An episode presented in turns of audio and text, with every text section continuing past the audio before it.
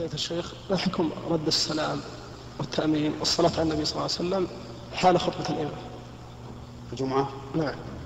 آه السلام حال خطبة الجمعة حرام. يعني لا يجوز للإنسان إذا دخل والإمام يخطب عن الجمعة أن يسلم ورده حرام أيضا. وجه كون رده حراما أنه كلام. يعني كذا قلت عليكم السلام أو عليك السلام هذا خطاب.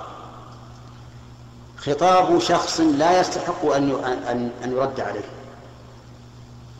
لأن القاعدة أن كل من سلم في حال ليس له أن يسلم فيها فإنه لا يستحق الرد. وعلى هذا فابتداء السلام حرام ورده حرام.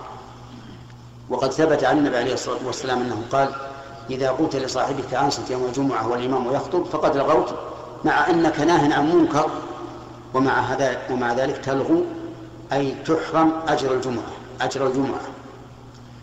وأما الصلاة على النبي صلى الله عليه وعلى آله وسلم عند ذكره في الخطبة فلا بأس بذلك. لكن بشرط ألا ألا يجهر به لئلا يشوش على غيره أو يمنعه من الإنصات. وكذلك التأمين لا بأس به بدون رفع صوت. الشيخ حفظكم الله. لأن التأمين دعاء. آه، لو سألناكم ما معنى قول الإنسان آمين؟ معناه اللهم استجب. إذن هو دعاء.